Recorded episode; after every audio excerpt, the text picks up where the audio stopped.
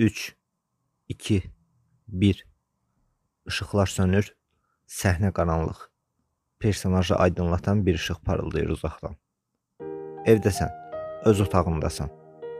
Harda olduğunu və bura necə gəldiyini anlamaq üçün uzandığın yataqdan ayağa qalxırsan. Güzgünün qarşısına keçirsən və görürsən ki, hələ uşaqsan. 10-12 yaşın olar. Əynində yekə kurtka, başında babanın papağı, anan sağ, atan sağ, yan otaqdan səsləri gəlir. Nədənsə onları çoxdandır görmədiyini düşünürsən. Qaçaraq yan otağa keçirsən və anan sağ, atan sağ. Anan yemək bişirir, axşama hazırlıq görür. Atan oturub televizorun qarşısında çay içir. Atanın əlində siqaret var. Fikri televizora qarışıb deyə yadından çıxıb çəkmək. Külləri xalçaya düşür. Qaçaraq pəncərədən baxırsan ki, çöldə lopa-lopa qar yağır. O qədər çox qar var ki, az qala gözlərin ağ rəngin parıltısından yerindən çıxar. Əynini qalın geyinib düşürsən məhləyə. Uşaqlar hamısı həyətdə qartop oynayır. Qızlar qardan adam düzəltməyə çalışır, lakin gücləri çatmır deyə çox böyük topalar düzəldə bilmirlər.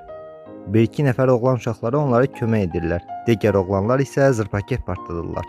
Qonşular səsdən o qədər beziblər ki, hərəsi bir pəncərədən qışqırır: "Ay bala, bəs sizsin ki, ev eşiyi yandırasınız axırda." Hara baxırsan əlində torbalı insanlar görürsən. Hamı evinə bazarlıq edir. Axşama hazırlıq görürlər. Kaset satan dayı yenə maqnitofonda toy mahnıları qoyub, yandakı çörək satan dayı ilə deyib gülürlər. Uşaqlar məhəllənin başından aşağı hər yeri buz ediblər. Gecədən suyu tökürsən qarın üstünə, səhərə kimi buz bağlayır, sonra da xizəyi götürüb sürüşürsən. Bir-iki dənə də sən zır paket partladırsan, sonra ananın səsi gəlir uzaqdan. Ay gedə, gəl evə day, gecdir. Qapı döyülür. Atan sanki yuxudan oyanırmış kimi ayılır, siqareti söndürür və gedib qapını açır. Gələn qohumlarınızdır. Əllərində hədiyyələr səni öpüb qucaqlayırlar. Yan otaqdakı yolkanın işıqları rəng-bərəng yanıb sönür. Axı bu gün Yenil bayramıdır. Qapıda 2002-ci il dayanıb.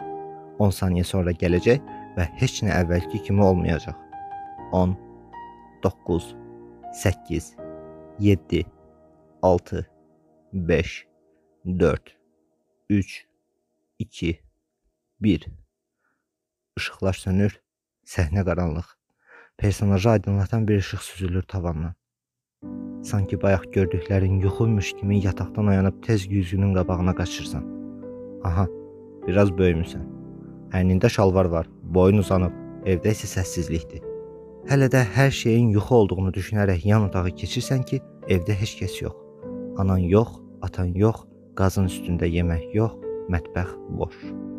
Televizor qurulu, hansısa dəxlisiz bir kanal açıq qalıb. Külqabı siqaretlə dolu, xalçada kül.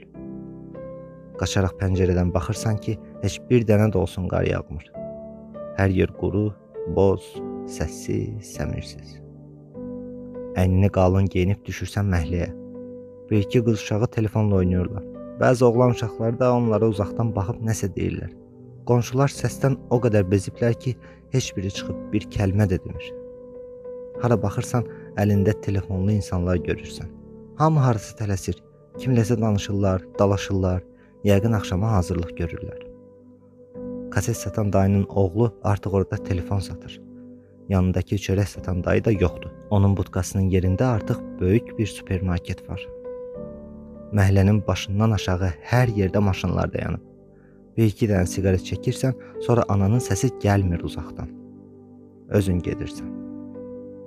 Qapı döyülmür. Gələn gedən yox, zəng edən yox, yazan yox, axtaran yox. Televizorun qarşısında oturmusan. Əlində siqaret, çəkmək də yadından çıxır, külü tökülür. Yan otaqdakı yolkanın işıqları isə hələ də rəng-bərəng yanıb sönür. Axı bu gün Yeni il bayramıdır. Qapıda 2022-ci il dayanıb. 10 saniyə sonra gələcək hər şey əvvəlki kimi olacaq. 10 9 8 7 6 5 4 3 2 1 İşıqlar sönür.